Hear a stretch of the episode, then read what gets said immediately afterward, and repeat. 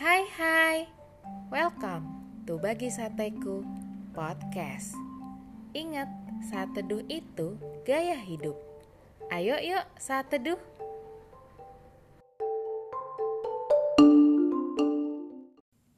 Topik saat teduh kita hari ini adalah Doa yang dikabulkan.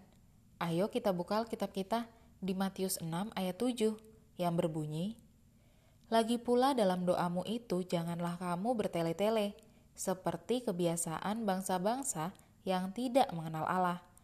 Mereka menyangka bahwa dengan banyaknya kata-kata, doanya akan dikabulkan. Sahabat sateku, pernah bertanya-tanya seperti ini nggak?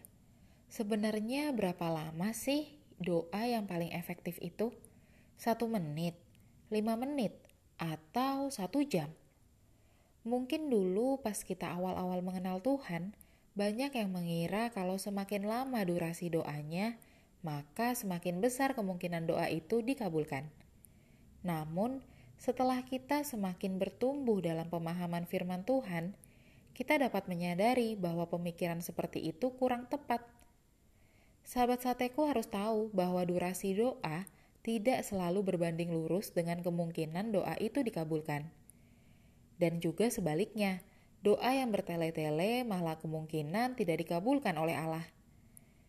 Yesus menganjurkan bahwa dalam berdoa, hendaknya kita tidak bertele-tele, seperti yang biasa dilakukan oleh orang yang tidak mengenal Allah. Artinya, ketidakkenalan kita akan Allah itulah yang dapat menyebabkan doa kita bertele-tele dan muter-muter. Allah lebih menyukai doa yang disampaikan secara jujur, tulus, dan penuh kerinduan untuk memuliakan namanya. Mengapa? Karena Allah sebenarnya sudah mengetahui permohonan doa kita, bahkan sebelum kita mengucapkannya. Adapun faktor penentu terkabulnya doa orang percaya adalah tentang apakah doa itu selaras dengan kehendak Allah atau tidak. Itulah sebabnya doa yang ditujukan untuk memuaskan keinginan dan hawa nafsu tidak akan dikabulkan oleh Tuhan karena bertentangan dengan kehendak Tuhan. Seperti yang tertulis di Yakobus 4 ayat 3 yang berbunyi, Atau kamu berdoa juga tetapi kamu tidak menerima apa-apa, karena kamu salah berdoa, sebab yang kamu minta itu hendak kamu habiskan untuk memuaskan hawa nafsumu.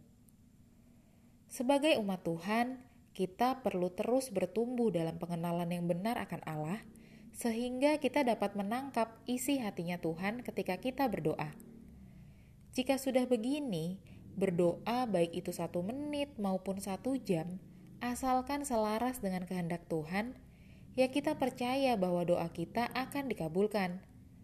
Jika Tuhan Yesus sudah mengabulkan doa kita, maka nggak seorang pun dapat mencegah kita menerima jawaban doa tersebut. Doa yang pasti terkabul itu pasti dimulai dari pengenalan yang benar akan Allah. Dan percaya, jawaban doa sepenuhnya bergantung pada kedaulatan Allah, bukan pada kehebatan kita dalam berdoa.